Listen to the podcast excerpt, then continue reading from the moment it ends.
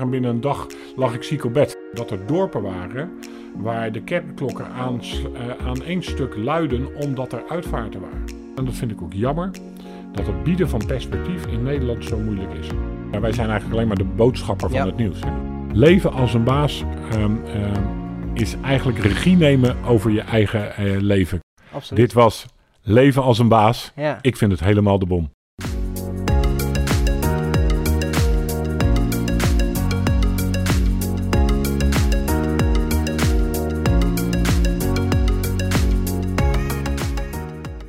Burgemeester Japaans, welkom bij de podcast Leven als een Baas. Ja, dank u wel. Wat en hartelijk dank voor uw komst. Het is, eh, het is mijn eer. En, eh, ik eh, kijk uit eigenlijk naar dit gesprek. Want, Hebben we een primeur? Is dit uw eerste podcast? Of? Ehm, het inspreken van de podcast niet. Ik heb er recent eentje ingesproken voor onze eigen organisatieontwikkeling. Mhm. Binnen de gemeentelijke organisatie van eh Alblasserdam. Ja.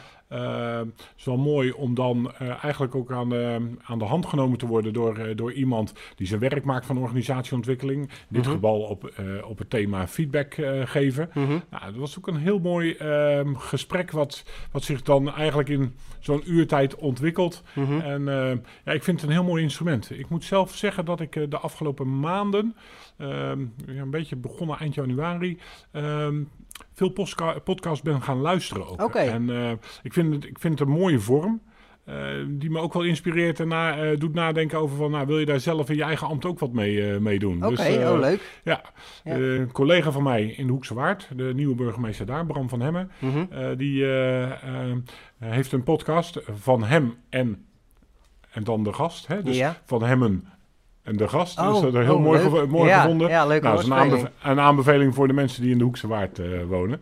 Om daarnaar te luisteren. Dus eh, ik moet zeggen, het is, eh, het is een inspirerende werkvorm. Ja, een stukje nieuwe media is het weer natuurlijk. Zeker, zeker. Ja, Dus leuk. ja, dat is, altijd, dat, is altijd leuk. Dus ja, dat is ook de reden waarom ik hem natuurlijk begonnen ben. Ja, Om een beetje, ja, toch een beetje, de, de, de, de- ja, een beetje naar, de, naar binnen te treden bij de persoon. En ja, om te inspireren, om te motiveren. en dan helemaal vanuit het, vanuit het bedrijf, helemaal de bom. Vanuit het bedrijf helemaal de bom, ja. Ja, mooi, mooi. Inderdaad, ja. Ja, inderdaad, inderdaad. Want ehm, ja, ik denk dat er eigenlijk, eh, ik denk dat we eerder te veel onderwerpen hebben dan te weinig. Want er is zoveel gebeurd de afgelopen tijd natuurlijk. Want ja, u bent als burgemeester natuurlijk wel extra voor het blok gezet, denk ik. Het is wel Ja. een, uitdaging, denk ik, om in deze coronatijd de burgemeester te zijn van, eh, ja, van, van een dorp als Alblasserdam. Wat natuurlijk eerst naar vrij veel besmettingen ging en in één keer weer van naar relatief weinig besmettingen. Het is, het is absoluut een bijzondere periode. En laten we nog eens even teruggaan in de, in de tijd. Eh, vorig jaar, eh, februari, had ik een vakantieweek en ik kwam daar uiteindelijk van terug. En binnen een dag lag ik ziek op bed. Oh, En nou ben ik niet iemand die ieder jaar zeg maar een griep heeft. nee. Ehm, dus in die zin was ik wel, wel wat verrast. Het was daarvoor, ik denk twee jaar geleden eh, geweest, dat ik, eh, dat ik met een griepje even thuis was geweest. En nu was het echt weer even stevig, eh, stevig ziek zijn. Twee, Mhm. tweeënhalve week. Je Zo. weet eigenlijk niet waar, je, waar het door, eh, door komt.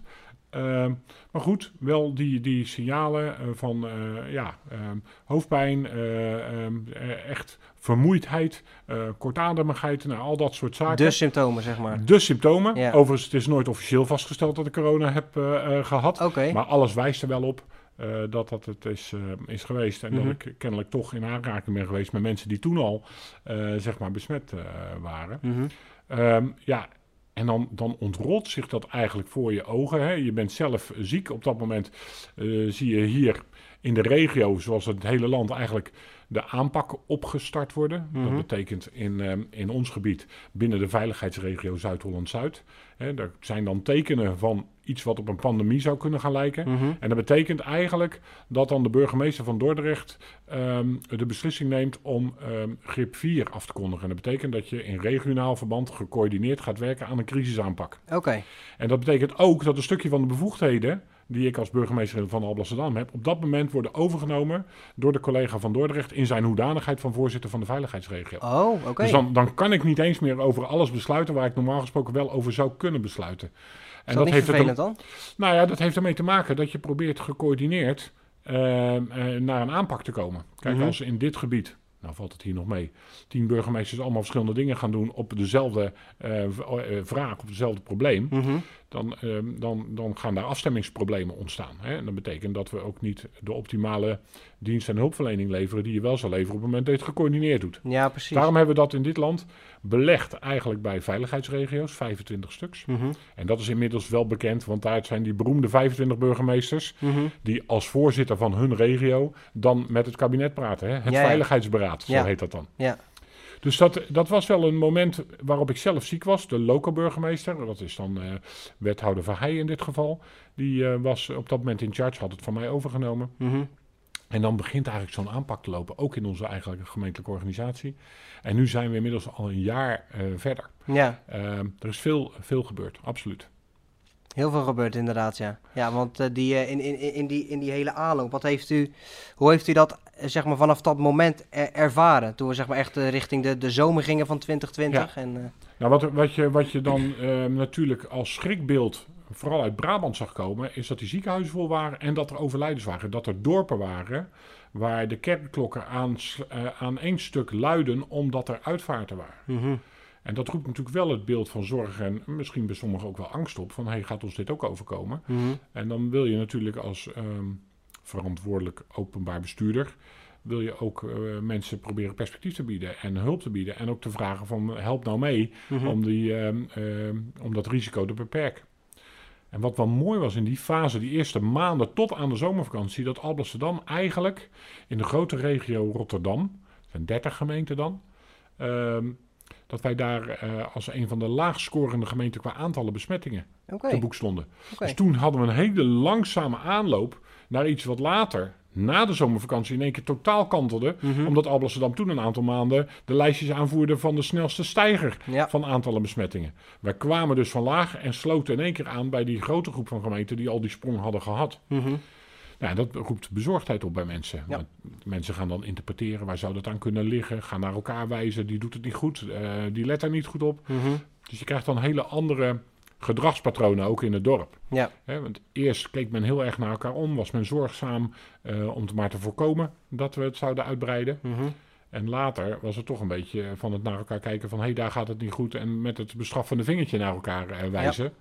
En dan moet je nog steeds burgemeester, burgervader zijn om te zorgen dat je naar iedereen luistert en Ja. kijkt ja, dat, dat het gemoed goed blijft. Zorg voor een stukje verbondenheid natuurlijk op dat absoluut, moment. absoluut. En dat, dat, daar kun je ook wel faseverschillen in zien. Zeker in het begin hadden we nog zicht op ehm, wie er overleed. Mhm. En kon je daar ook ehm, nabij zijn. Kon je ook een luisterend oor bieden Ja. voor de nabestaanden. Kon je eh, ook troost bieden. eh, doordat je even aandacht voor ze had. Mhm. En daar contact legde. Maar op enig moment werd dat aantal eh, mensen dat in ziekenhuizen kwam. En, kwam te, eh, en, en ook het aantal mensen dat kwam te overlijden. werd te groot om apart te registreren. En ehm, eh, de gegevens ook op uit te wisselen. Dus Mhm. ja, dan wordt het op een gegeven moment ook een soort van massa. Waarbij we ook moeten aantekenen dat er ook geen reden is om wel voortdurend te bellen met mensen die overlijden aan eh, COVID. Terwijl Nee. je niet belt eh, met mensen die overlijden, eh, althans met de nabestaanden van mensen die overlijden aan kanker of aan een griep of, of aan welke vorm van ziekte, maar ook. Mhm. Dus daar moet je op een gegeven moment dan ook weer je knop omzetten in het hoofd. Dat je denkt van ja, oké, nu komen we in een fase dat dit daar kennelijk bij gaat horen. En dan moeten we op een andere manier onze betrokkenheid tonen. Ja. Dus dat vond ik, vond ik een interessante fase, omdat je heel nabij kon zijn eh, voor, de, voor de mensen. Ehm, nou, dat ging eigenlijk hier in Alblasserdam ook gewoon goed. Er zat medewerking op alle fronten. Ehm er zat medewerking bij ondernemers die in winkelgebieden zaten, waar we natuurlijk af en toe ook op moesten letten dat daar niet te veel mensen samenkwamen. Het verkeer richting supermarkten moest in goede banen geleid worden en Mhm. dergelijke. Ja, en we zitten inmiddels in een hele andere fase. Hè? Dat is Ja. een fase waarin we eigenlijk niet kunnen wachten tot het allemaal voorbij is. Ja. Ongeduldig worden eh, over het feit dat die maatregelen maar uitblijven om het te versoepelen. Mhm. En eigenlijk onze ogen een beetje sluiten voor het feit dat het eigenlijk helemaal niet zo goed gaat. Nee. Want de cijfers zijn eigenlijk weer aan het oplopen. Ja. En dat betekent toch dat we met elkaar ervoor zorgen dat we elkaar besmetten. Ja. En zeker onder eh, wat jongere groepen ehm, ja, zie je het ongeduld toenemen. En dat begrijp ik maar al te goed. Je, Ja. zult maar, je zult maar op de middelbare school eh, zitten. En eigenlijk niet met, eh, met je vrienden en klasgenoten de dingen kunnen doen die je buitenschooltijd normaal gesproken doet. Je Ja. zult maar studeren of net op zoek zijn naar een nieuwe baan. En eigenlijk geremd worden in je ontplooiing als twintiger. Mhm. Nou, dat, daar heb ik, daar, daar, ehm, ja, daar, daar, daar heb ik aandacht voor en daar, daar heb ik ook zorgen over. En Ja. ik voel me erbij betrokken. Ja, dat heb ik inderdaad ook gelezen in het eh, artikel van u over de, de kantlijn. Heeft ook nog een apart stukje over de jongeren. Heeft Ja. u ook nog toegesproken? Want ja, we zagen natuurlijk dat de jongeren zich een beetje gingen... Ja, een beetje loswrikken tussen alles. We zagen een stukje Ja. vandalisme en een, ja... Ja, het zijn twee wat. dingen die je dan eigenlijk ziet. Hè? Eh, je ziet eigenlijk de, de, de, de honger, de gretigheid om eh, ook wat te onttrekken aan het normale patroon. Wat natuurlijk ook gewoon heel erg bij jeugd hoort. Hè? We zijn Mhm. natuurlijk allemaal jong geweest Ja. en hebben onze grenzen verlegd toen we jong waren. Eh, en de jongeren die dat nu zijn, ja, die hebben natuurlijk ook het recht om die ruimte ook weer op te zoeken. Ja. Ja. Dus ja, ik vind wel dat we daar, ehm, dat we daar ook oog voor moeten blijven houden. Dat die kant ehm, niet makkelijk gerationaliseerd kan worden. Nee, ze moeten maar binnen blijven. Nee, precies. Dus dat heb ik willen uitdrukken eigenlijk in dat artikel. Maar ik had ook wel te maken met jongeren die dan op een gegeven moment over die grens gaan. Mhm. Ja, en als je dan, ehm, je gaat bezondigen aan vandalisme, als je dingen gaat stuk maken in de openbare ruimte, als je het eigenlijk de anderen lastiger maakt, ja, dan moet er ook wel tegen opgetreden worden. Zeker als daar een patroon in komt. Mhm. Dat hebben we op enig moment ook gedaan. En ehm, ja, dan zoek je naar een goede weg. En er is altijd ter discussie, hè. Eh, wat is dan de enige beste weg? Wat Die is er niet. Ja. Wat is de, de gulden middenweg? Probeer je dan te zoeken. En hebben er uiteindelijk voor gekozen om te kijken, kunnen we nou die groep eh, identificeren? Nou, dat kon, want bij de hele coronamaatregelen gold ook dat je moest kunnen legitimeren op straat. En dan werd je opgeschreven, kreeg je een waarschuwing. Dus op een gegeven moment wisten we goed welke jongeren het nou betrof. En zo konden we die jongeren ook zelf thuis aanschrijven Mhm. met een brief. En als je één keer was gezien, ja, op een plek waar vandalisme was geweest, dan noteerden we alleen eh, van hé, eh, en schreven we ze aan. Ja, en dat deed ik dan ook echt als burgemeester. Van joh, je bent daar gezien, weet dat daar dingen gebeuren eh, die, die niet geaccepteerd worden. Zorg dan dat je er weg blijft en probeer eh, op een andere manier je vermaak eh, te vinden. Ja. En laat het ons ook weten als we daarin iets voor je kunnen betekenen. Nou, dan was er een groep die vaker was gesignaleerd op plekken. Waarvan je dan toch aanneemt dat ze op zijn minst behoren tot groepen die ehm, weet hebben of zelfs eh, actief hebben deelgenomen aan vandalisme. Ja, daar moet je dan nog iets strenger tegen zijn. Dus daar krijg je dan een iets strengere brief over. Ja. Ja, ik, dat heeft per saldo goed gewerkt. Eh, hebben we er ook wel weer een paar dingen van geleerd. Ehm, want wat doe je bijvoorbeeld met iemand die net die leeftijdsgrens van 18 is gepasseerd, soms nog wel gewoon thuis woont? Mhm. Schrijf je dan die ouders ook nog aan apart? Of Mm, ja, beperk ja, je alleen tot- Ja. tot een brief aan die 18-jarige? Nou, we zijn er wel achter gekomen dat we in die fase echt alleen een brief aan die 18-jarige moeten schrijven. Want het is uiteindelijk een, een, een volwassen leeftijd. Ehm, nou, dat zijn zo van die inzichten die je dan ook opdoet. Mhm. Je probeert het goede te doen, want je hoopt ook dat ouders invloed hebben op hun kinderen. Mhm. En dat ze ook kinderen het besef kunnen bijbrengen dat als ze wel toestemming krijgen om naar buiten te gaan, het niet meteen de bedoeling is dat ze ook dingen slopen. Dat. Ja? Dus, ja, eh, precies. nou, daardoor hebben we ook eh, groepen naar binnen kunnen halen. Hebben we ze een plek kunnen bieden in, ehm, eh, in de, eh, bij het jongerenwerk, Mhm. bij, ehm, bij, de, ehm, bij de postduif. Ehm, nou, en zo proberen we ook wel groepen gericht ehm, toch ook ander vertier te bieden. En dat Ja. gaat heel goed. Ja, want wat deden ze dan bij de postduif? Nou, daar, daar, daar worden tal van activiteiten gemaakt. Hè. Dat kan variëren van eh, samen pannenkoeken bakken eh, tot eh, een boxkliniek, dat soort zaken. Alleen inmiddels zijn natuurlijk daar de regels ook wel weer wat strakker geworden. Dus we kunnen Mhm. die groepen niet meer zo groot hebben. Dus we doen het nu in hele kleine groepjes waar die afstandregels nog goed aan te houden zijn. Mhm. En dan wordt er contact ambulant, noemen we dat dan, op straat. Ja, Wordt er contact onderhouden door jongerenwerkers met groepen op straat. oké. En ook na negen uur wordt gekeken, zijn er nog groepen op straat? Worden ze aangesproken? Worden ze Mhm. toch aangemoedigd naar huis te gaan? Mhm. Omdat de volgende stap is dat de politie er langs komt en je weer een boete krijgt. Ja, Want de ja, fase van waarschuwen is nu voorbij. We weten nu al een Ja. tijd, eh, avondklok is er, je hebt hier niks te zoeken, eh, dan ben je aan de beurt. ja Nou, zo proberen we met het jongerenwerk wel gewoon, eh, gewoon in verbinding te zijn met, eh, met de jeugd. Oké, oké. En dat gaat dan over, nou, in Alblasserdam, pak een beetje zo'n 100 jongeren waar dit dan echt specifiek over gaat. We hebben natuurlijk veel meer jongeren in het dorp. Mhm, mhm. Ehm, die eh, in allerlei leeftijdscategorieën toch proberen het beste van te maken. En Ja. gelukkig ook weer in teamverband kunnen sporten. Ja, dat is inderdaad heel fijn. Dat is inderdaad heel fijn, ook voor de gezondheid. Absoluut, want dat is natuurlijk ook nog iets. Ik merk het ook aan mezelf. We komen allemaal wel wat kilootjes aan als we er niks aan doen. Hè? Ja. Eh, want thuis zitten en ja, uiteindelijk wat doe je? En dan eh, eh, eet je wat meer, je snoept wat meer, dat Ja. soort zaken. Ja, alle, alle zondigheid, zullen we maar zeggen, die, die is ons niet vreemd ehm, op dat punt. En ehm, nou ja, daar, daar moeten we ook op letten. Want fitheid, ehm, gezondheid draagt er ook aan bij dat we zo'n pandemie eh, kunnen onderdrukken. Mhm. Ja, dat is inderdaad waar, ja. Dat is inderdaad zeker waar. En ehm, ja, daar helemaal mee eens. En we hebben het dan nu echt over de, over de jongeren. Heeft u ook gesproken met veel ondernemers? Hoe, hoe ervaart een Alblasserdamse ondernemer zo'n hele pandemie? Of bijvoorbeeld een ondernemer die maandenlang dicht is geweest Ja. vanwege Ja, dat, dat hebben we op verschillende manieren gedaan. Kijk, ehm, op het moment dat je zo'n crisisaanpak start, dan probeer je ook een beetje het werk te verdelen. Want wat je zag gebeuren is dat eigenlijk in die eerste maanden alles bij de burgemeester eh, terecht eh, kwam. Ehm, en, en dan wordt er ook voortdurend naar de burgemeester gekeken. Dan zie je ook dat... ehm, Als boosdoener bedoelt u? Of- nou, nee, nee, nee. Als degene die moet oplossen of Oh, waar de informatie manier, ja, naartoe moet of eh, waar, waarmee overlegd wordt. En wij hebben er hier in Alblasserdam voor gekozen dat ook de wethouders in positie zijn gehouden. Zodat ehm, zij hun contacten onderhielden met de sectoren waar zij verantwoordelijk voor zijn. Dus de Mhm. wethouder economie heeft veel de contacten onderhouden met, met ondernemers Mhm. in, die, in die fase. Eh, en ik realiseer me daarbij dat ik in die fase ook wat minder zichtbaar ben geweest voor de ondernemers eh, dan ze misschien lief eh, was. Ehm, tegelijkertijd hebben we wel geprobeerd via de wethouder en via de bedrijfscontactfunctionaris ook wel de boodschap over te brengen. Dat dit niet een boodschap van hem alleen is, maar dat het een boodschap is van ons allemaal. Van het college, van het gemeentebestuur. Mhm. En je probeert door filmpjes. eh, ehm, ik, heb- ik heb een aantal keren een filmpje opgenomen om eh, jongeren, om ouderen, om ondernemers eh, toe te spreken. Ehm, nou, ja, artikelen te, te, te schrijven. Dat kan Ja. in de Klaroen zijn, dat kan in de Kantlijn zijn.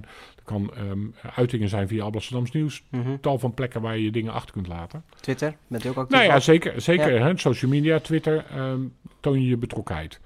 Maar die ondernemers die hebben natuurlijk wel wat meegemaakt. Om te beginnen de horeca-ondernemers. Ja. Want dat was een soort van yo-yo natuurlijk. Dan Mhm. weer dit, dan weer dat. eh, eh, groepsbeperkingen, terras. Dan weer eh, mocht het wel binnen met een beperkt aantal mensen, dan weer niet. En uiteindelijk de hele eh, algehele sluiting. Die aan het eind van vorig jaar natuurlijk is ingevoerd. En tot nu toe voortduurt. Ja. Nou, enorm ingrijpend. Ehm, ook ingrijpend voor winkeliers, die inmiddels een hele tijd nu met beperkingen te maken hebben en ook een tijd dicht zijn geweest. Mhm. Ja, dat grijpt wel aan. Ja. En, ehm, nou, ik snapte dus ook goed dat bijvoorbeeld recent eh, de vertegenwoordigers van de, van de winkelgebieden op een gegeven moment een soort van hartekreet uiten in de krant. Hè, Mhm. Een soort van open brief aan de burgemeester. Burgemeester, help ons met duidelijk te maken aan de landelijke overheid dat we het wel kunnen. Dat er redenen zijn om het nu echt weer open te gooien. En dat wij dat zorgvuldig zullen doen, zodat wij bescherming bieden. En dat die pandemie niet verder uitdijt en oploopt. Nee. Nou, daar hebben we ook goed met elkaar over gesproken. Want ik was wel wat verbaasd. Hè. Wij hebben als gemeente flink geïnvesteerd in de ondersteuning van de middenstand. eh, door acties als Koop Lokaal ook te faciliteren. Ja. Met paginaruimte in de krant. En daar Mhm. betalen wij dan voor aan, eh, de, aan, de, eh, aan de Klaroen. Mhm. eh, zodat zij hun advertenties daarop kwijt kunnen zonder dat ze daarvoor hoeven te betalen. Mhm. Als je dan via zo'nzelfde pagina wordt aangeschreven, denk je wel van... hé, wie heeft dan weer deze Ja, pagina precies. eigenlijk betaald? Hè? Dus dat voelt, dat, voelt een beetje, dat voelt een beetje dubbel. Ja. Maar ik begrijp me al te goed het sentiment. Je zult maar ondernemer zijn en je moet verplicht dicht moeten. Je, Mhm. Er komt geen omzet binnen, terwijl je zelf als ondernemer verantwoordelijk bent voor nou ja, eh, de doorbetalingen aan je leveranciers, eh, de doorbetalingen aan je personeel, je eigen pensioenopbouw, je vaste lasten. Het geeft het je te doen. Horeca-ondernemers die eigenlijk al een jaar lang in voortdurende onzekerheid eh, leven. Mhm. Is die regeling er voor mij? Dekt die voldoende af? Kan ik daarmee door mijn bedrijf overeind houden? Eh, nu moet ik helemaal dicht. Heb ik helemaal geen omzet? Wanneer gaan we weer open? Wat is het Mhm. perspectief? En ik vind ook echt, en dat vind ik ook jammer, dat het bieden van perspectief in Nederland zo moeilijk is. Ja. Ehm, wij zijn Is toch een land van overleg. En we overleggen over de dingen die morgen en overmorgen gaan gebeuren. Mhm. Ik heb de afgelopen jaar voortdurend gepleit, ook in regionaal verband, ook via onze voorzitter richting het kabinet. Zorg nou dat je van achter naar voren werkt. Er komt een moment dat we weer kunnen zeggen dat we het als normaal beschouwen. Mhm. Misschien kun je er geen datum aan koppelen. Maar wat zijn nou de grote stappen die je eh, naar dat moment toezet? En dan begin je met de ene laatste stap. En dan eh, met de tweede laatste stap. En zo kom je telkens dichter bij het punt nu. Ja. Maar in Nederland doen we het anders. In Nederland zijn we in overleg over de stap van morgen. Mhm. Ja, precies. En dan is Nederland ook nog een land dat daar heel veel over overlegt. Ja. Nou, daar probeer ik invloed op uit te oefenen, zodat dat perspectief voor ondernemers duidelijk is. Voor dat perspectief voor de jeugd duidelijk is. Weten waar we aan toe zijn. Kunnen we op enig moment weer gaan reserveren voor vakanties Ja. in het buitenland? Dat Ja, soort precies. Ja. En je ziet nu wel dat dat soort geluiden toenemen. Hè? Mhm. Dus het kabinet is er ook steeds meer van bewust. Dus je begint dat nu te krijgen. Vandaag een heel mooi moment. Vandaag wordt aangekondigd dat evenementen vanaf 1 juli in principe weer georganiseerd mogen worden. En als ze georganiseerd worden, dat het kabinet er garant voor staat dat als ze toch niet door kunnen gaan of uitgesteld moeten worden, dat 80% van die kosten dan als gift worden, ehm, eh, worden afgedekt. Oké, als een En de steun. 20% ja, ja. in de vorm van een lening. Mhm. Eh, afhankelijk van of er daarna nog een keer ingehaald kan worden, et cetera. Nou, dat vind ik echt belangwekkende stappen van het kabinet. Notabene demissionair. Mhm. Maar ze hebben gezegd, coronabestrijding zijn we niet demissionair. Daar doen we alles wat nodig is Ja. om dit land ver- verder te helpen. En dan is het wel weer heel gaaf om in dit land te wonen Ja. en te werken. Ja, precies. Want dan merk je toch dat ze echt daadwerkelijk ja, die stap naar de ondernemer toe zetten. Ja. Want het lijkt me denk ik ook wel lastig om, en ja, misschien ook als, als, als kabinetzijde, maar misschien ook als burgemeester, om dan bijvoorbeeld aan zo'n horecaondernemer te, om te, te- uit te leggen, proberen uit te leggen van, ja, je mag wel met z'n allen in een supermarkt lopen, maar met al die mensen op, op jouw terras, nee, dat, dat, dat mag niet. Ja. En dat is misschien ook wat u bedoelt met dat perspectief. Dat zegt, Zeker. ja, Zeker. En kijk, eh, dat zijn hele moeilijke gesprekken. Omdat je ehm, maatregelen die worden genomen, en eh, zeker de maatregelen die op rijksniveau worden genomen. Ja, wij zijn eigenlijk alleen maar de boodschapper van Mhm. Ja. het nieuws. Hè? ja. Ehm, Nou, daarom juist. Daarom lijkt het me juist zo. Ja, maar je moet dus, maar door, door, te, door te luisteren ook naar die ondernemers en te horen eh, waar, ze, eh, waar, ze waar de onduidelijkheid zit, kun je ook met elkaar zoeken van oké, blijft er dan nog iets van zeg maar, interpretatieruimte over waar we nog wel wat mee kunnen. Mhm. Dus ik kijk ook altijd wel, zit er nog een druppel water in het gas in plaats van dat het bijna leeg is. Mhm. Ehm, en zo hebben we bijvoorbeeld eh, in de aanloop naar de zomer goed met horecaondernemers gekeken naar van oké, je mag nu op het terras wat doen. Ehm, je hebt maar toestemming om bijvoorbeeld 100 stoelen eh, op je terras te hebben met 50 tafels. Mhm. Ja, nu je maar zoveel mensen mag onder, eh, hebben op zo'n ruimte, eh, zou het zonde zijn om al die stoelen op te, opgestapeld te laten. Laten we dan kijken of we dat terras kunnen uitbreiden. Dat je dus een grotere ruimte ter beschikking hebt Mhm. om eigenlijk te doen wat je deed. Ja. Alleen je moet meer lopen, want je hebt een grotere ruimte. Ja. Nou, en dat is enorm gewaardeerd door de, door de horecaondernemers in ons dorp. Mhm. In ieder geval daar waar plek was en daar waar mensen ook een buitenterras hadden, Mhm. hebben die mogelijkheid geboden. En dat, ja, daar, daar, daar, daar waren ze gewoon heel erg tevreden. En hebben ze ons ook laten merken van, hé, hey, hier zit een lokale overheid die daar oog voor hebt. En dat is dan ook prima samenwerking geweest. Hè? Dat probeer je dan als burgemeester aan te sturen, maar dan zie je ook de wethouder economie in optreden, Mhm. de wethouder eh, ruimte in op, eh, eh, optreden. En zo krijgt iedereen eigenlijk een plek om dat, om dat verder te helpen. Ja. Ja, dat is heel mooi inderdaad. Ja, en daar zijn ondernemers mee geholpen. Kijk, af en toe moet je ook streng zijn. Eh, We zitten soms met ingewikkelde situaties. Wij mogen als overheid niet zomaar optreden in een eh, overdekt winkelgebied. Hè. Als je een winkelcentrum hebt wat zeg maar, van een, ehm, eh, een beheerdersorganisatie, een, een, een, financiële instelling is, of hè, een, een, ehm, een, een, koepelorganisatie waar die winkels dan allemaal van huren. Mhm. Ja, dan, dan vraagt het eigenlijk afstemming tussen al die winkels en hun huisbaas Ja. om de maatregelen te kunnen waarmaken. En dat betekent ook dat die huisbaas een verantwoordelijkheid heeft om uiteindelijk bij de ingangen van die winkelcentra daar ook toezicht op te laten houden. Aha. Wij kunnen dat niet verzorgen. Mogen we niet eens. Nee. Wat wel kan, als er excessen zijn, dan kan ik laten ingrijpen, maar dan sluit ik een heel winkelcentrum. Ja. En dat is ingrijpend. Heel ingrijpend. Ja. Ja, nou goed, eh, ook daar hebben we uiteindelijk met elkaar een modus in gevonden. We zeggen van jongens, laten we het nou niet zo ver laten komen. Hou je nou gewoon aan die regels. Ga met elkaar in overleg. En dat betekent dat de Alblasserdammers ook een tijd lang... zeg maar de, de, de bouwhekken en dranghekken van de gemeente Alblasserdam... binnen in het winkelcentrum zagen. Mhm. En dat laat zien dat we daar hebben gezegd van... oké, nu moet er echt wat gedaan worden. Ja. Wij nemen nu even het voortouw. Wij komen bij jullie naar binnen. Dit gaan jullie eh, uitvoeren. En ga ondertussen in gesprek met je, met je huisbaas. En Mhm. inmiddels zie je dat ze dat fantastisch voor elkaar hebben. En dat zo'n winkelgebied als het Mercado Center... daar eh, prima vorm aan probeert te geven. Ja. Met elkaar. Met elkaar inderdaad, ja. ja. Ja, dat is natuurlijk heel hartstikke mooi. Ja, Dat is, eh, maar dat, dat, dat, dat, dat, eh, daar zit wel een spanning natuurlijk. Want je hebt je eigen winkelnering. Hè? Je, hebt, je, je, je, je probeert je eigen kassalade in de gaten te houden. En tegelijkertijd Mhm. moet je samenwerken met anderen om er iets van te maken. En moet je er misschien ook iets van kosten voor maken. Dus daar, Ja. zit, daar zit wel een spanningsveld. Ja. Ja, dat, uiteraard, uiteraard. Ja, dat merk je natuurlijk op, op alle vlakken. Je merkt het bijvoorbeeld natuurlijk ook dat op een gegeven moment sommige... eh, die hebben essentiële winkels, niet essentiële Ja. winkels. En dan de, de essentiële winkel die mag dan eh, wel een product A verkopen... maar de niet-essentiële winkel mag niet open, mag product A dan weer niet verkopen. Nou ja, dat, zie je, dat, vind ik, dat vind ik snijdend hè? en schrijnend ook. Als een winkel gespecialiseerd is in kinderspeelgoed... Mhm. En die winkel moet dicht, omdat het niet essentieel is. En de buurman heeft als bijproduct nog ook wat kinderspeelgoed. Dan mag die buurman bij wijze van spreken meer eh, kinderspeelgoed inkopen. Mhm. Om alsnog te verkopen, omdat hij toevallig ook drogisterijartikelen eh, Juist. verkoopt. Wat Ja. als essentieel product eh, wordt ge- gezien. Ja, dat, dat, dat, dat, nou, daar lopen wij dan ook tegenaan. En daar proberen we dan bij het kabinet ook aandacht voor te vragen. Dus dat, je hebt ook een soort van lobbyfunctie Mhm. namens zo'n gemeenschap, ook in de richting van een kabinet, die natuurlijk bestookt worden vanuit alle kanten Mhm. Ja. van de samenleving. Ja. Ehm, nou, en dan probeer je ook wel een beetje een onderscheid te maken van, oké, waar denk je nou dat, dat we succesvol kunnen zijn met zo'n lobby? Want Mhm. ieder signaal doorspelen, ongefilterd, leidt uiteindelijk tot de reactie dat men naar niks meer kijkt. Dus je moet ook zorgen dat dat effectief, eh, effectief is. En dat doe je achter de schermen, dat doe je ehm, via de contacten die je daarvoor probeert te benutten. Ja, precies. Ja.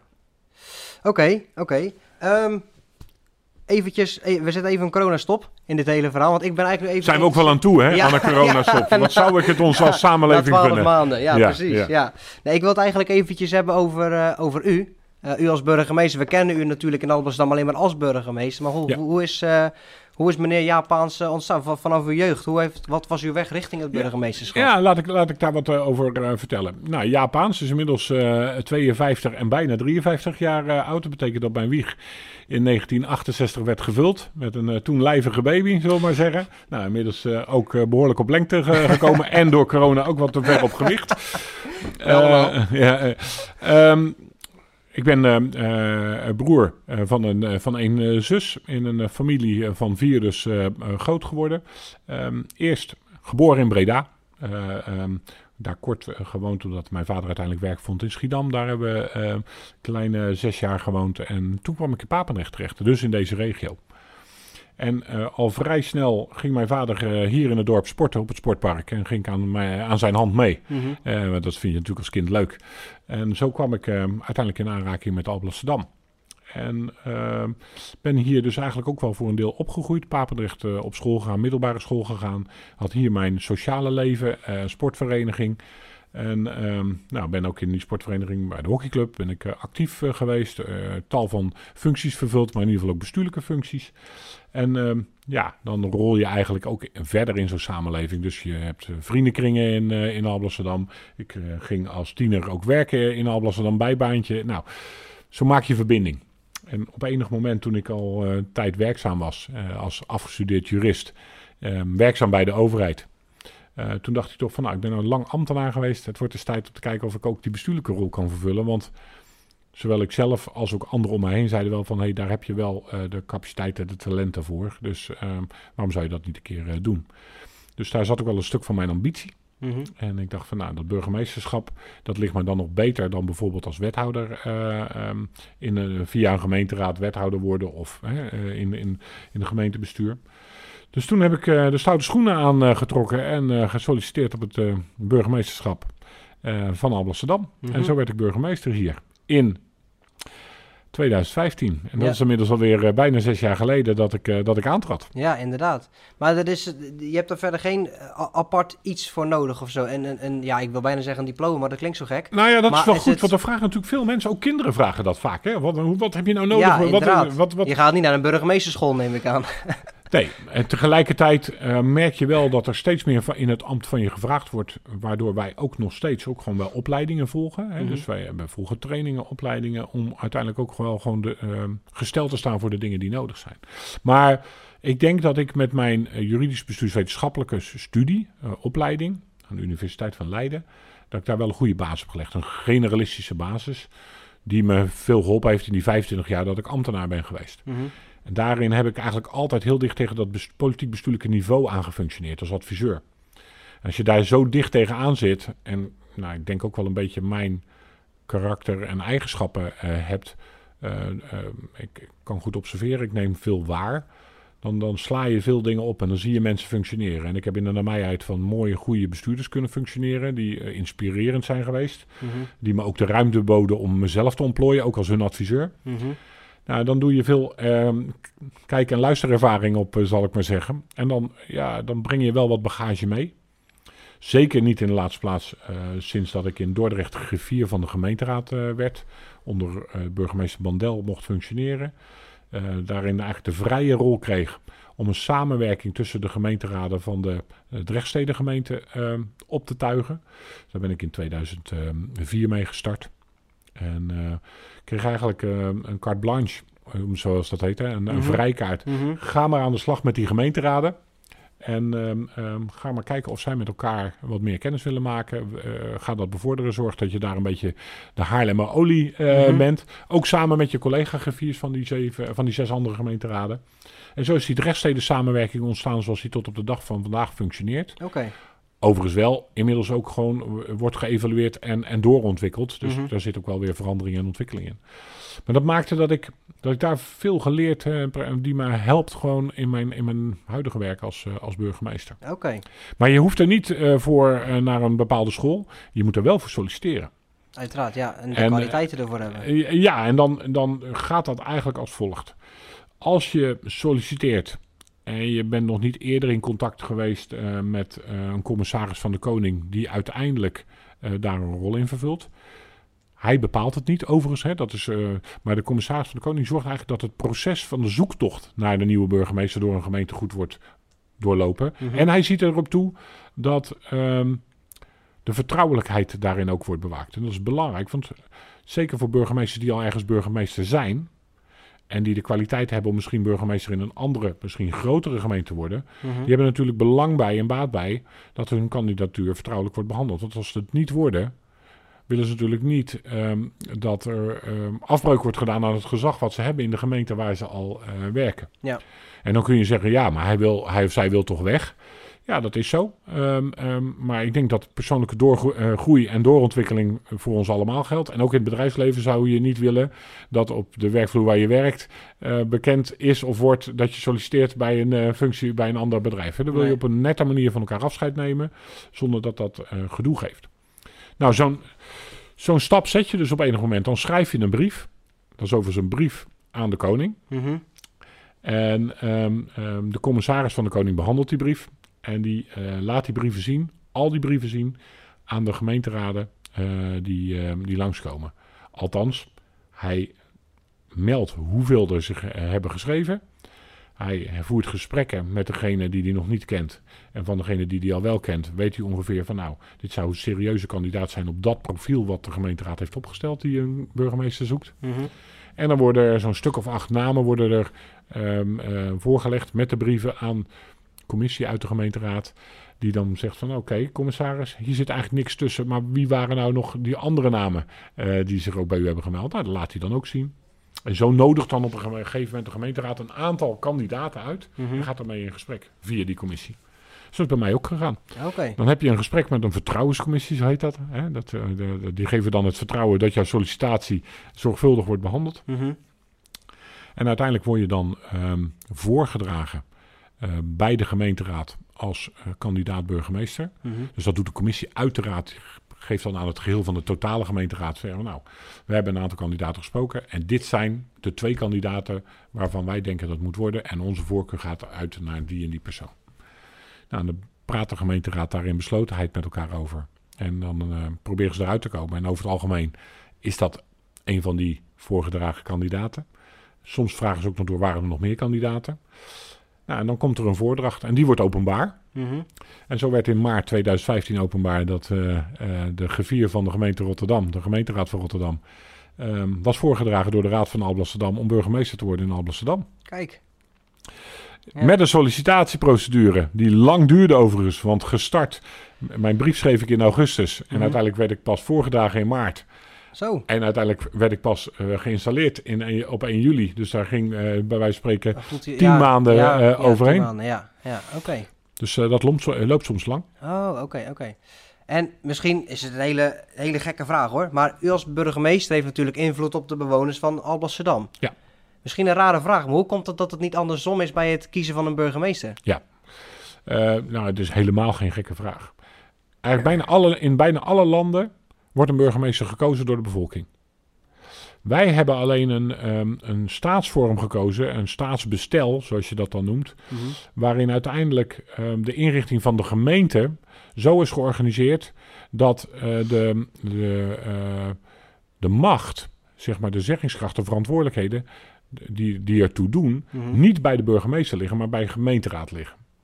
En de gemeenteraad wijst uit zijn midden of eh, met wethouders van buiten een college aan, Mhm. de wethouders aan, die samen met elkaar ehm, eh, eh, het- dorp gaan besturen. Da- En samen met de burgemeester, die ook zijn eigen verantwoordelijkheden heeft, zit daar een soort van machtsbalans. De burgemeester gaat over openbare orde en veiligheid.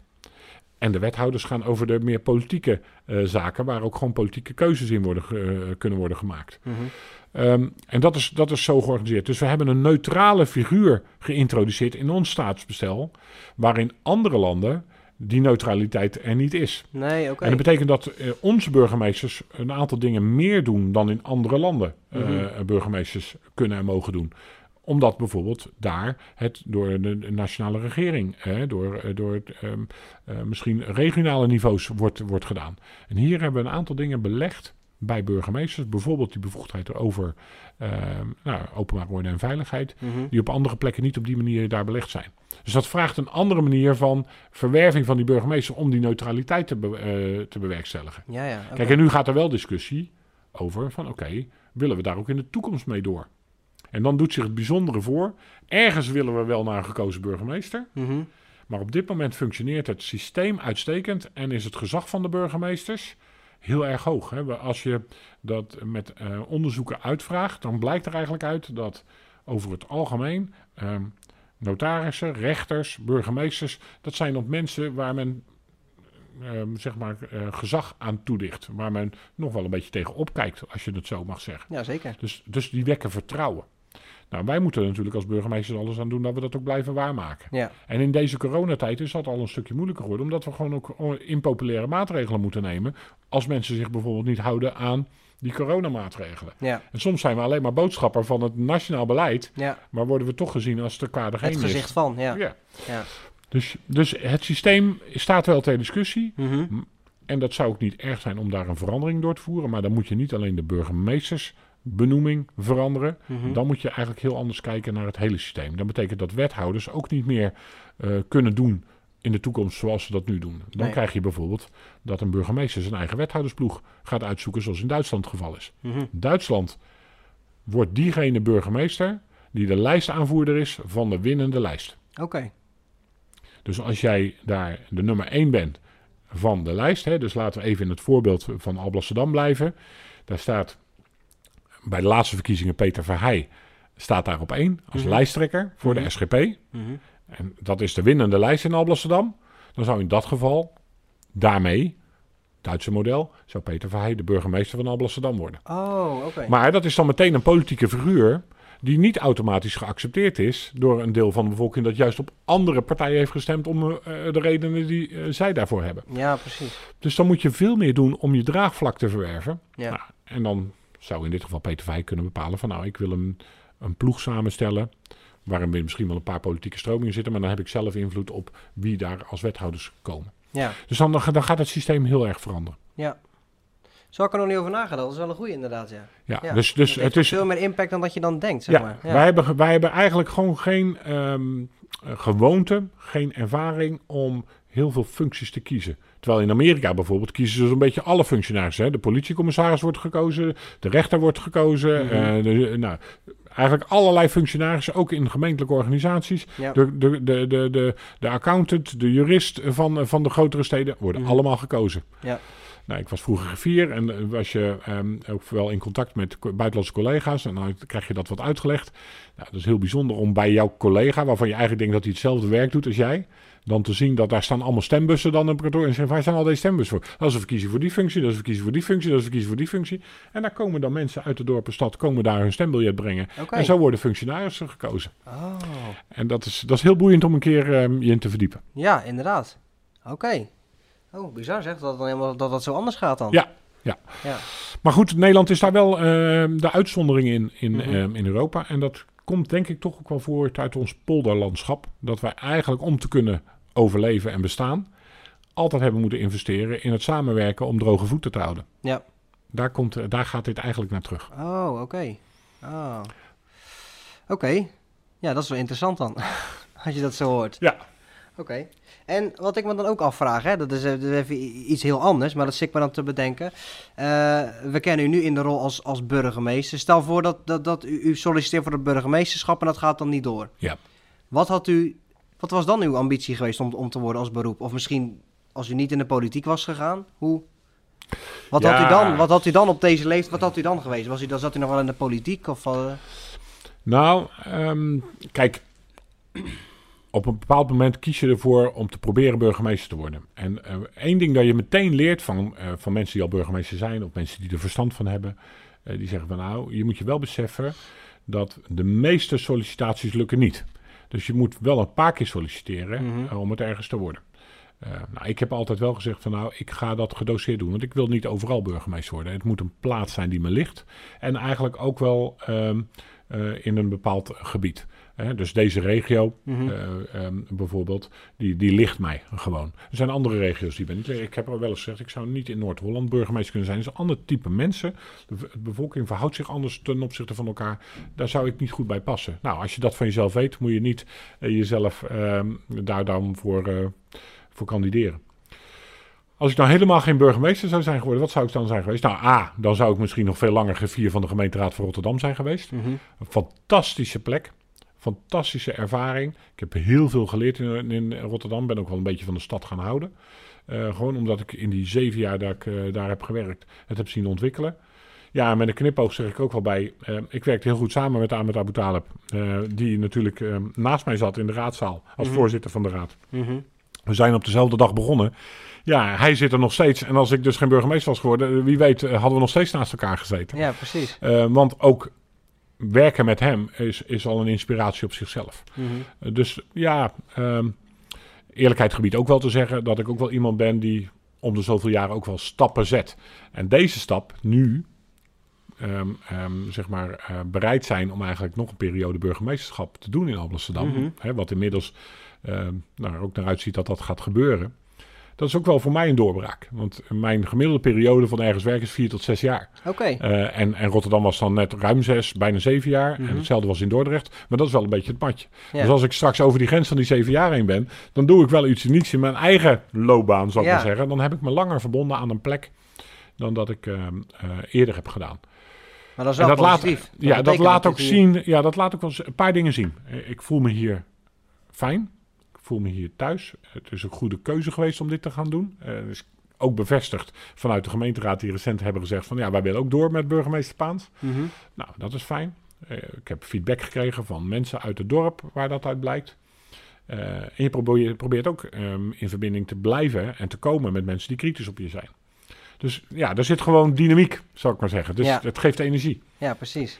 Ehm, laat ook wel zien dat je in de fase van je leven komt waarin je zegt van oké, je hebt ergens naartoe gewerkt. Dit was echt wel een ambitie van mij. Dat heb ik nu bereikt. Gun mezelf ook even de, mogelijk, eh, de, de ruimte om even geen verdere ambitie te hebben en te kijken wat er op mijn pad komt. Ja. En dat kan linksaf gaan, dat kan rechtsaf gaan of rechtdoor. Misschien Ja. een stukje achteruit, zullen we ook zien. Ehm, nou ja, dat, dat, dat, dat laat ik ook maar gewoon toe. Mhm. Als ik, ja, weet je, eh, soms heb ik ook wel eens gedacht van ik, ik ga er helemaal mee stoppen met, met eh, die, die openbare publieke functies. Ik ga ergens een bed and breakfast eh, beginnen of ik word campingbaas eh, ergens. Fantastisch om heerlijk in die buitenlucht bezig te zijn. Zijn van die vergezichten waar het vaak dan niet van komt. Mhm. Maar waar je gewoon dus heerlijk is om, om je... Over kan fantaseren Om over, om over te fantaseren. Ja. Absoluut. Ja. Oh, oké. Oh, wat leuk. Le- Leuk om te horen. Leuk om te horen. En ehm, ehm, ja, deze week een belangrijke week. We hebben natuurlijk deze week eh, gestemd. Ja. En ehm, ja, misschien, ik, ik heb, ik heb ja, nog- gestemd voor de Tweede Gestemd voor de. Tweede Kamer inderdaad, ja. Ja. Gestemd voor de Tweede Kamer. En ehm, ja, ik heb deze week toch veel mensen de- ook weer daarover gesproken. En wat je dan nog steeds hoort, en ik weet dat heel veel mensen, dat natuurlijk heel veel mensen uit de politiek doen de oproep, ga stemmen, ga stemmen. En nog steeds hoor ik zoveel jongeren die zeggen, ja, maar ja, wat maakt die ene stem van mij nou uit? Als u het in uw eigen woorden moest verwoorden, waarom is stemmen nu zo belangrijk? En misschien vooral voor jongeren? Voor mensen die nog 60, 70, 80 jaar in dit land leven. Nou, eigenlijk deze afgelopen periode zou geen grotere reden eh, kunnen geven om te gaan stemmen eh, dan de periode die we hebben gehad. Er, is een grote, eh, er zijn grote ingrepen gedaan in je persoonlijk leven. Je hebt zelf nu de mogelijkheid om ehm, kenbaar te maken hoe we verder moeten met onze toekomst.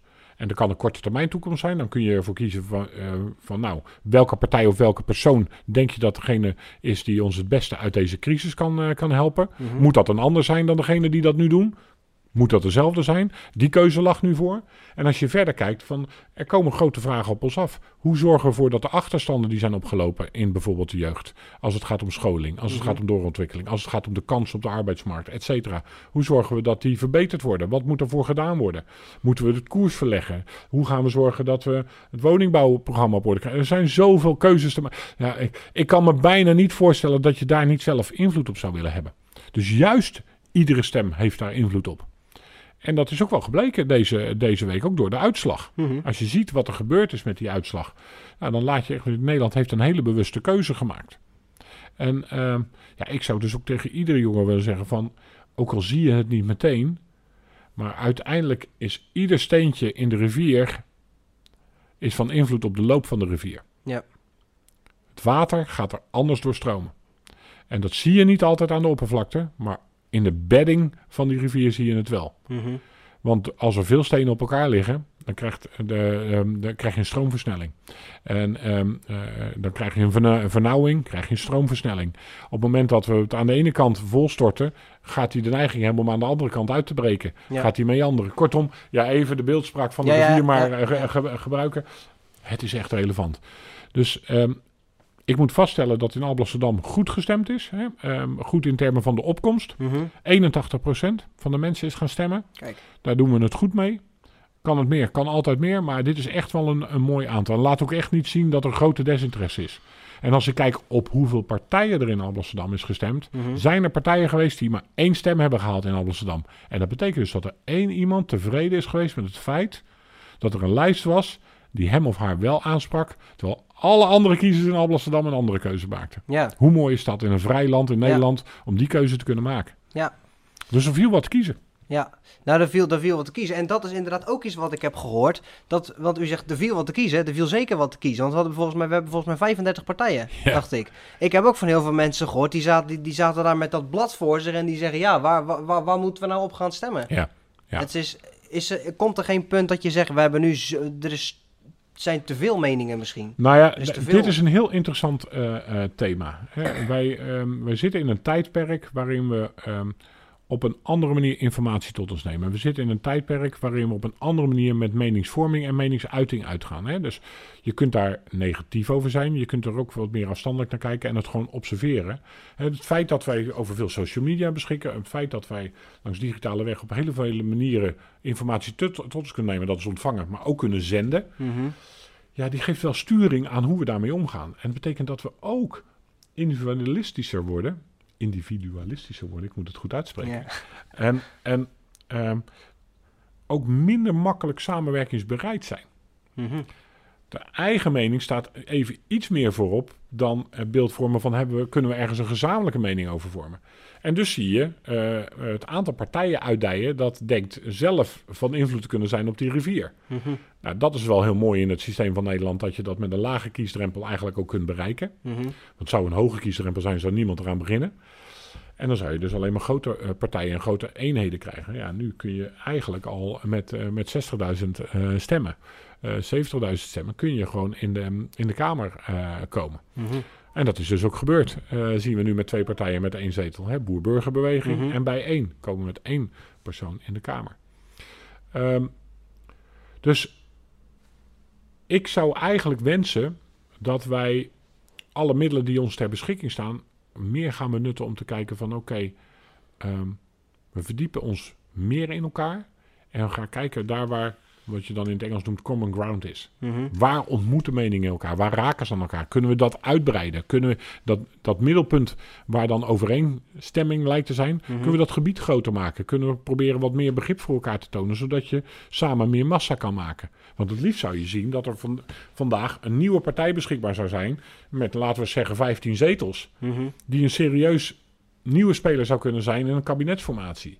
Maar het probleem dat we nu hebben is twee grote partijen die nog niet vanzelfsprekend er maar uit elkaar uit gaan komen over welke partijen komen er daar nu bij. En dan moet je veel kleinere partijen eigenlijk activeren om erbij Mhm. te komen. En dat geeft nou, allerlei complicaties, want naarmate je meer partijen in een kabinet toemaakt, dan heb je dus eigenlijk meer hoofdstromen die je overeenstemming moeten bereiken. Dus wordt over thema's veel langer gediscussieerd. Ja. En dat is iets wat we ons eigenlijk op dit moment helemaal niet kunnen permitteren.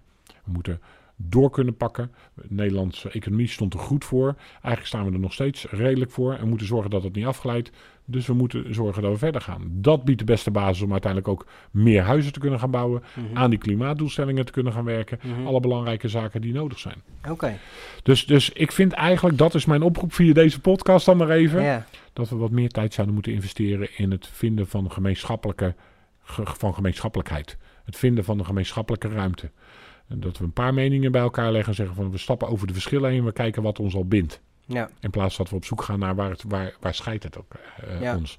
En dus een reden zoeken om dan maar af te scheiden of, of juist apart te gaan en apart mee te doen aan de verkiezingen. Ja, we zijn, we zijn denk ik te veel bezig met, oké, wa- waar zijn we het allemaal niet mee eens? Ja. En dan gaan we daarover discussiëren. Terwijl daar komen er inderdaad honderden, Ja. honderden meningen komen er op tafel. Ja, kijk, het, is, het, het, het schuurt natuurlijk wel ehm, in, in, in, ons, ehm, in onze traditie, die toch wel als een soort van liberale traditie kan worden gezien, dat je er veel vrijheid hebt in het, eh, in het land.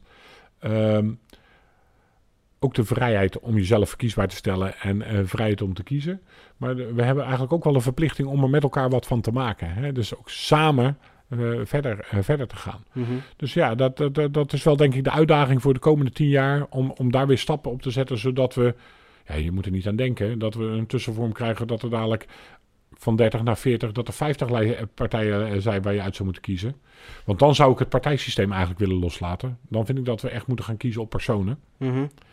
Ehm, want dat is eigenlijk heel merkwaardig. Dat is ons systeem nog steeds. We hebben een personensysteem Mhm. wat gekaapt wordt eigenlijk door ehm, dat wat we partijen zijn gaan noemen. Terwijl partijen in het stelsel, bijvoorbeeld ook in de wet, nergens bestaan. Oké. Je wordt individueel in de Kamer gekozen. Oké. Maar de manier waarop het werkt, is dat het via partijen eh, loopt. Nou, dat is ook wel weer een bijzonderheid waar, waar Nederland een, een traditie in heeft opgebouwd. Ja. Oké. Dus eh, nou, daar kunnen we nog eens een keer een andere podcast Ja, aan inderdaad. Dus, dat, is- dat is wel, dat is wat ik eigenlijk aan het begin al zei. Je hebt bijna te veel onderwerpen dan... eh, want ja, er is inderdaad zo, het is zo interessant. Er is zoveel over te, te vertellen.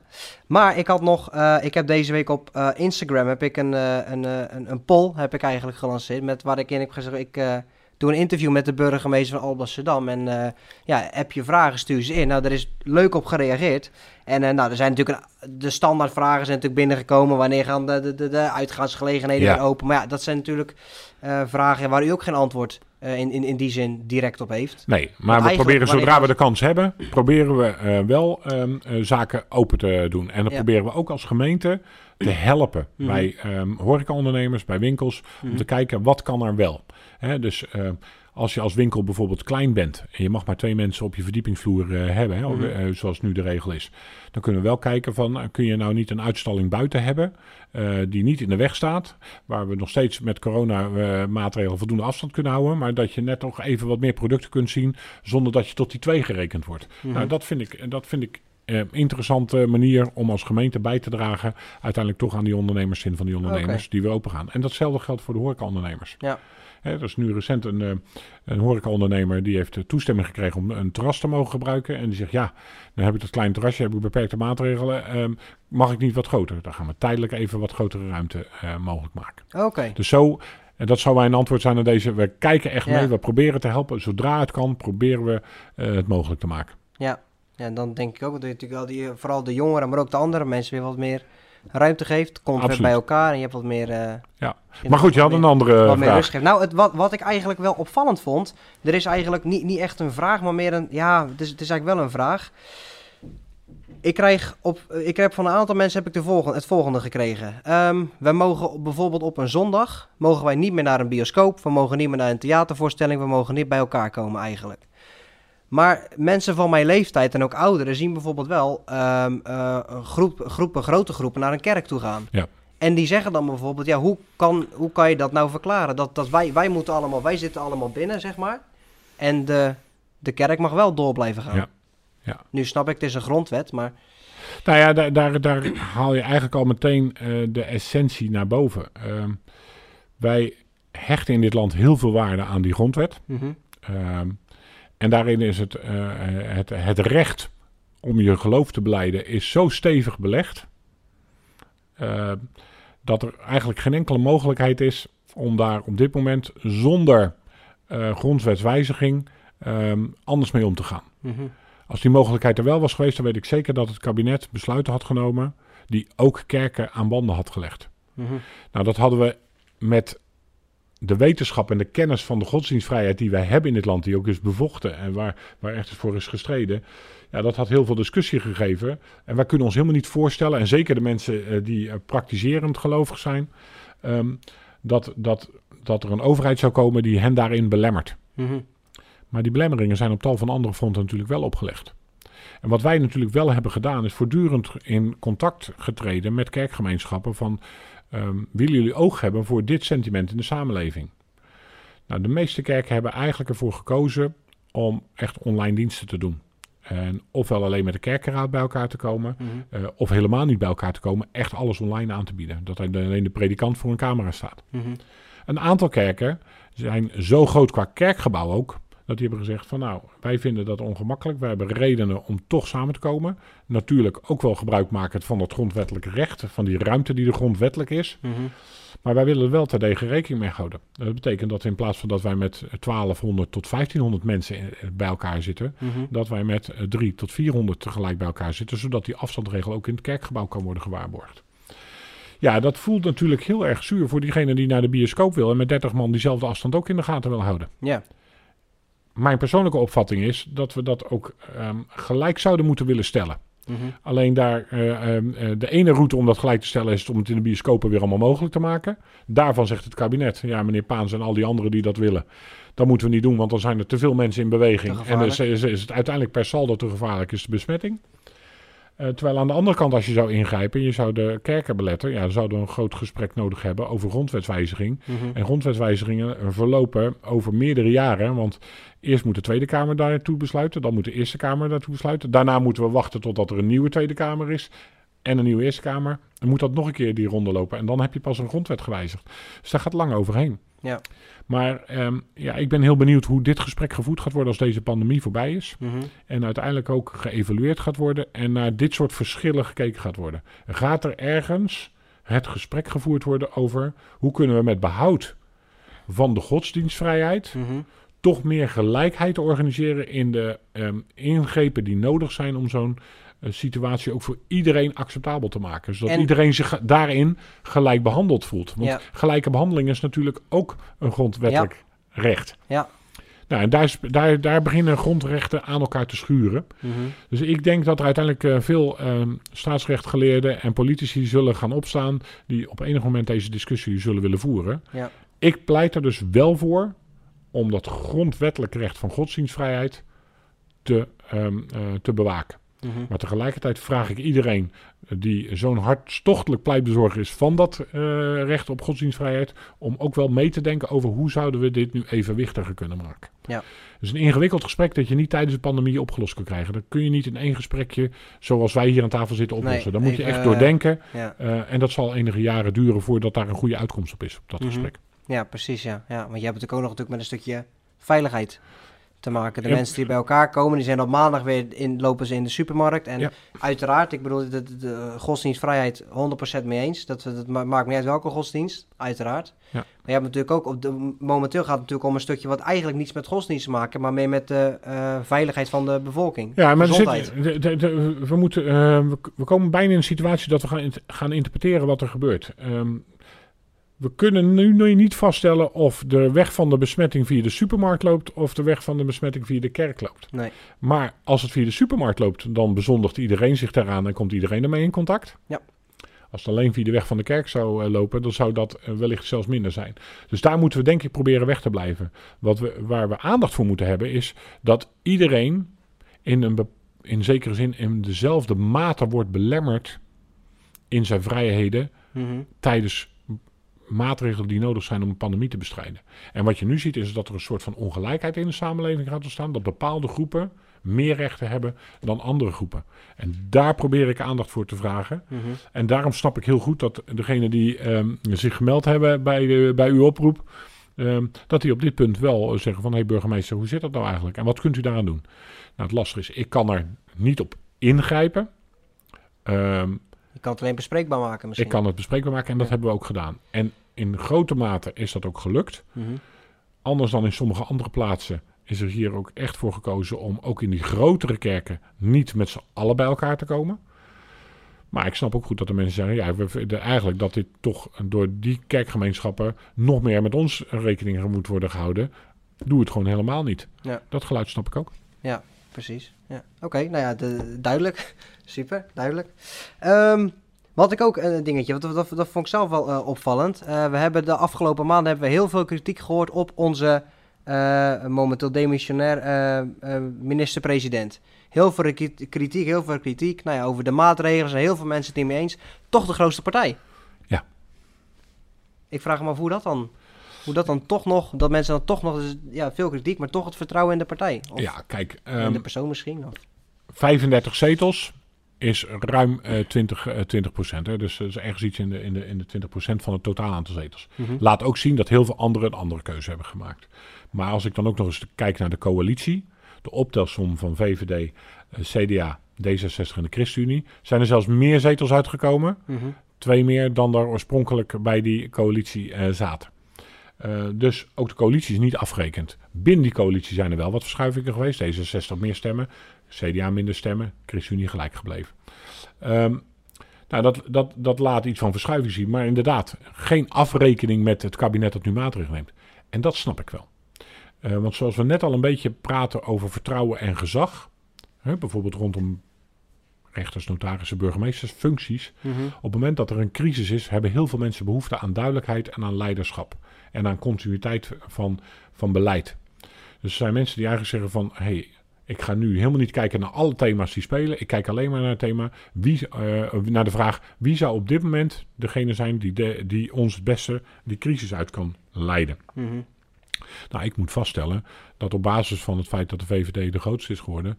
en dat Mark Rutte, dat zal ook blijken... waarschijnlijk ook heel veel stemmen heeft gehaald... gewoon als persoon, als lijsttrekker van die lijst... dat er dus bij die groep mensen heel veel vertrouwen is... dat hij degene is die op dit moment ons uit deze crisis moet, eh, moet halen. En dat gaat dan helemaal niet meer over de discussie... waar hij natuurlijk ook een rol in heeft gespeeld... over de toeslagenaffaire en al die andere vervelende zaken... die hem zou kunnen aanwrijven. Eh, die mensen hebben we denk ik primair gekeken naar van wie hebben we het meest vertrouwen voor de korte termijn in combinatie met die langere termijn van vier jaar. Mhm.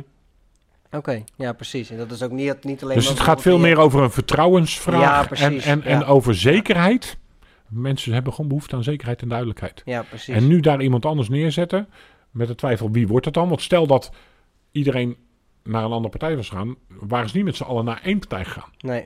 Dan had het verdund en dan krijg je een soort van leiderschapsvacuum. Mhm. Ja, eigenlijk wat je eh, in een bepaalde manier ook hebt kunnen zien. Op het moment dat bijvoorbeeld bij het CDA daar zo'n leiderschapsverkiezing wordt gehouden. Dat geeft uiteindelijk in zijn effect eh, ook nadelige effecten. En dat, dat gaan ze natuurlijk nu evalueren. Van ja, hebben we daar nou goed aan gedaan in deze tijd? Ja. Nou, dat zijn zo van die vragen die dan eigenlijk op je afkomen. Ja, oké. Ja. ja, dat zag je natuurlijk in het partijprogramma. Het is niet allemaal dingen corona gericht. Maar echt toekomstgericht inderdaad. Ja, maar de Dus- meeste mensen zullen toch primair hebben gekeken naar van wat is er nu voor de korte termijn wenselijk. En misschien, als ze daarover na hebben gedacht, oké, kan diezelfde persoon of kan diezelfde partij dat ook op langere termijn. Ja, ja, logisch. Vooral mensen natuurlijk die, die bijvoorbeeld kinderen hebben of zo. Die nu zien hoe hun kinderen... Dus denk je, hoe gaan Ja. we dat nou... Hoe is dat over het vijf of Ja. over tien jaar? Ja. Hoe staan ze er dan bij? Ja, dat is waar. Oké, ehm, ik heb nog twee vraagjes voor u. En dan wilde ik hem eigenlijk gaan afsluiten. Want eh, we zijn alweer een uur bezig. Zo, Ja, dat gaat snel. mooi. Ehm, stel voor dat er, eh, dat er hier mensen naar kijken of mensen naar luisteren en die zeggen, nou, eh, ik, ik ben geïnspireerd, ik wil ook wat gaan doen in de politiek of ik wil zelfs ook burgemeester worden. Wat is dan, heeft u daar tips voor? Wat Ja. is dan de weg die bewandeld moet worden? Absoluut, absoluut. Ehm, ik zou het wel heel leuk vinden als men dat zou doen. Hè? Dus Ja. laat ik het tegen iedereen zeggen die, die luistert of kijkt. Ehm, heb je wat met maatschappelijke vraagstukken? Heb je een mening? Kun je ook luisteren? En kun je eh, woorden geven aan dat wat je hoort en de mening die je hebt? Die combinatie, ja, dan, dan g- kom gewoon eens kijken. Ga eens gewoon in de zaal zitten. ehm, eh, bij een gemeenteraadsvergadering of bij een commissievergadering. Misschien om, dat, eh, om gewoon eens te horen welke thema's komen er nu aan bod. Ehm, Heb je dat al een keer gedaan of wil je die stap overslaan, kun je ook gewoon eens bij een politieke partij melden. Van goh, ik zou van jullie wat meer willen weten. Je hebt waarschijnlijk zelf op een partij gestemd. Nou, misschien wil je daar wel uh, mee in contact komen. Of misschien ben je wel nieuwsgierig naar een lokale partij waar je bij de Tweede Kamerverkiezingen niet op kon stemmen. En ga je daar uh, op stemmen. Amsterdam heeft op dit moment alleen maar partijen die ook landelijk georganiseerd zijn. Dus waar je ook op kon stemmen nu bij de Tweede Kamerverkiezingen. Maar je weet in de toekomst niet, het kan zomaar zijn uh, dat je ook andere. En in buurgemeenten zijn er wel lokale partijen. Hè? Neem bijvoorbeeld in de buurgemeente, doe mee uh, in Molenlanden. Nou, een lokale uh, partij. Dus je kunt je bij dat soort partijen kun je um, kun je, je gewoon melden. Mm -hmm. Dus mijn tip zou zijn, zet je in. Vaak zie je overigens ook dat mensen die op een andere manier maatschappelijk actief zijn, bijvoorbeeld in een sportvereniging, in een bestuur hebben gezeten, Mhm. of die um, vrijwilligerswerk uh, doen en die uh, laten zien dat ze doorhebben hoe bepaalde dingen werken, dat ze iets kunnen, die vallen ook op. Dus je hoeft ook niet per se de route van het overleg, het contact. Je kunt ook gewoon een bezigheid waar je al mee bezig bent, die kun je ook uitnutten. Uh, en dan ja, kijken of je daar eens in beeld kan komen. Dan nodig je bijvoorbeeld eens een partij uit om bij jouw sportvereniging te komen om te laten zien wat je doet. Ja. Nou, dus soms word je dan ook gewoon gevraagd, joh, zou je niet bij onze partij eens dit en dit kunnen doen? Ah, Oké. Dus dat, dat zou ik met name in die talentenkant willen doen. En dit is ook wel een mooi moment. Het is 21. In 22 in, uh, uh, hebben we de verkiezingen voor de gemeenteraad. Uh, ook weer in maart, dus dat is over een jaar. Mhm. Nou, dat betekent dat we uh, dan weer een nieuwe gemeenteraad gaan, uh, gaan samenstellen.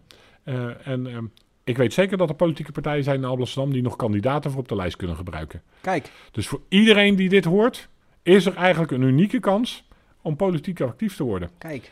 En wat ik zelf wel leuk vind, wat we proberen te doen, en ik hoop dat dat ook in de coronatijd kan, is dat wij dan ook vanuit het gemeentehuis, vanuit de rederij, uh, ook ik als burgemeester, als voorzitter van de raad, doen wij ook wel themaavonden van um, uh, ik en de politiek. Dan okay. gaan we proberen mensen ook wat meer te vertellen over hoe dat dan gaat. Mm -hmm. Waar ze op moeten rekenen. Dat ze ook weten waar ze instappen. Ook welke belasting het oplevert. Mm -hmm. uh, maar ook wat je ervoor terugkrijgt, wat het je biedt. Ja. Welke kansen er liggen. Dus dat is die kans. Ja, en ben je daar dan een tijd in actief geweest? Uh, of ben je als ondernemer actief? Of heb je een maatschappelijke opvatting? Heb je inderdaad het vermogen om naar mensen te luisteren? Mm -hmm. uh, heb je, kun je aandacht geven aan mensen? Kun je uh, je mening verwoorden? Ja, dan kun je misschien ook wel gewoon eens een keer een sollicitatiebrief schrijven. Als er ergens een vacature is voor het burgemeesterschap. En dan val je wellicht op bij de commissaris van de Koning. Die nodigt je uit voor een gesprek. Mm -hmm. En voor je het weet word je voorgedragen bij een selectiecommissie uit de gemeenteraad. En ga je daarmee in gesprek om burgemeester te worden. Ja, precies. Zo kan het maar je hoeft gaan. daar dus niet echt zoals, zoals u geen jurist of, hoe, Nee, of geen nee, rechter voor Nee, gestudeerd nee Oh, ik kan een voorbeeld eh, noemen van een ondernemer uh, die uh, gewoon uh, een bedrijf had. En die op een gegeven moment dacht, ik wil toch wel maatschappelijk actief zijn. Die heeft een brief geschreven bij de commissaris van de provincie Noord-Brabant. En zo is hij uiteindelijk burgemeester van Steenbergen geworden. Oké, kijk. Dus, uh, um, nou ja, uh, de route die ik net schets, heeft deze burgemeester gelopen. Ik, uh, ik ken hem. En nou, heel erg leuk om dat te zien. Ja, inderdaad. Oké. Dus Ja. het is voor alle mogelijk. En denk vooral niet dat het alleen maar voorbehouden is aan mensen die van een bepaalde status of niveau zijn. Mhm. Kijk niet op tegen mensen en plaats ze niet in een hokje. Ik zeg zelf altijd een beetje uh, grappend en gollend. Ik ben als um, tiener begonnen achter een vuilniswagen. Ik heb in een bedrijfskantine gestaan, ik heb bomen geplant. En Mhm. nu ben ik burgemeester van dit dorp. Ja. Ja. Dus je hoeft niet, zoals ze vroeger zouden zeggen, van hoge huizen te komen? Of, Helemaal niet. of- nee. Helemaal niet. Nee. Nee, ik zou echt tegen iedereen willen zeggen. En tegen iedere jongere, uh, hoe moeilijk de situatie ook is. Er ligt altijd een kans voor je. En het begint met of jij er zelf iets mee wil doen. En als je er hulp bij nodig hebt, ook die hulpvraag te stellen. Ja. Want ik weet ook, er zijn ook jongeren die het echt moeilijk hebben. Mhm. En die we ook af en toe een beetje een duwtje in de rug moeten geven. Gisteren heb ik nog weer heel prachtig een brief gekregen van een inwoner van Alblasserdam. Die een kind dat eigenlijk uh, op vierjarige leeftijd al helemaal aan de wereld was overgelaten en thuis geen thuis vond. En hoe zo iemand dan wordt opgevangen. En door heel zijn leven eigenlijk kans krijgt geboden door een pleegouder. Gewoon weer helemaal opbloeit en ze vol, volstrekt zelfstandig in het leven staat. Um, um, ja, gewoon een goede baan heeft, uh, een goed gezin uh, en, en heel het leven heeft opgepakt. Soms heb je ook net even die helpende hand nodig. Dat Ja. realiseer ik me maar al te goed. Maar het begint ook wel van wil je hem pakken. Ja. Ja, precies. Dus aanmoediging aan iedereen. Ja. Ja, hartstikke goed. Dus Moeten ze wel luisteren moeten ze wel luisteren. Ja, maar dat komt wel goed, denk ik hoor. naar deze, naar deze podcast. Ja, dat komt wel goed. Ja. Dat komt wel goed. Heb ik voor u de, de laatste vraag die ik eigenlijk altijd aan iedereen stel. Eh, dan komen we terug bij de titel van de podcast, Leven als een baas.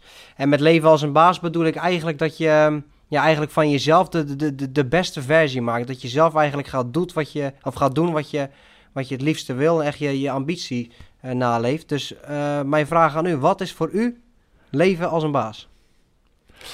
Leven als een baas sluit eigenlijk goed aan bij wat ik net zei.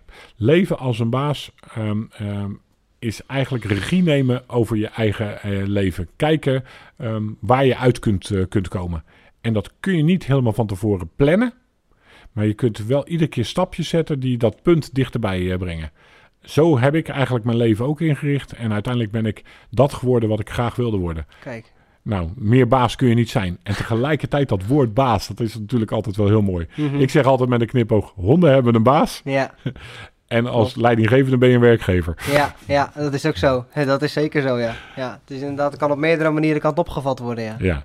Ja, Maar ik vind eh, deze titel voor deze podcast wel heel leuk ge- gekozen. Omdat het ook die kwinkslag is die naar je eigen voornaam eh, toe gaat. Ja. Dus het is eh, ja. ja, een hele inspirerende vorm. Bas, mag ik het zo zeggen? Ja, tuurlijk, tuurlijk. Nee, absoluut. Nou ja, dat, dat is ook de bedoeling. Het is ook echt, daarom, daarom is hij ook opgestart. Hij, de, mijn podcast is begonnen precies een jaar geleden. in het begin van de coronatijd. Met puur en alleen de, de, de, de, de functie om mensen te inspireren en te motiveren. En ook om wat, ja, wat, wat, wat positiviteit en wat voordeel uit die coronatijd te halen. Want ja, je zit meer thuis. Maar misschien is dat juist wel een mooi moment om dan net die ene vaardigheid te gaan leren die je altijd, die je altijd al wilde leren, maar nooit de tijd voor had. Ja, daar heb je nu allemaal tijd voor. Dus je hebt het zelf in de praktijk gebracht. Hè? Helemaal mooi. Ja, Ja, Beste ja, luisteraars, Absoluut. absoluut. dit was Leven als een baas. Ik vind het helemaal de bom. kijk. nou, hartstikke, wat mooi.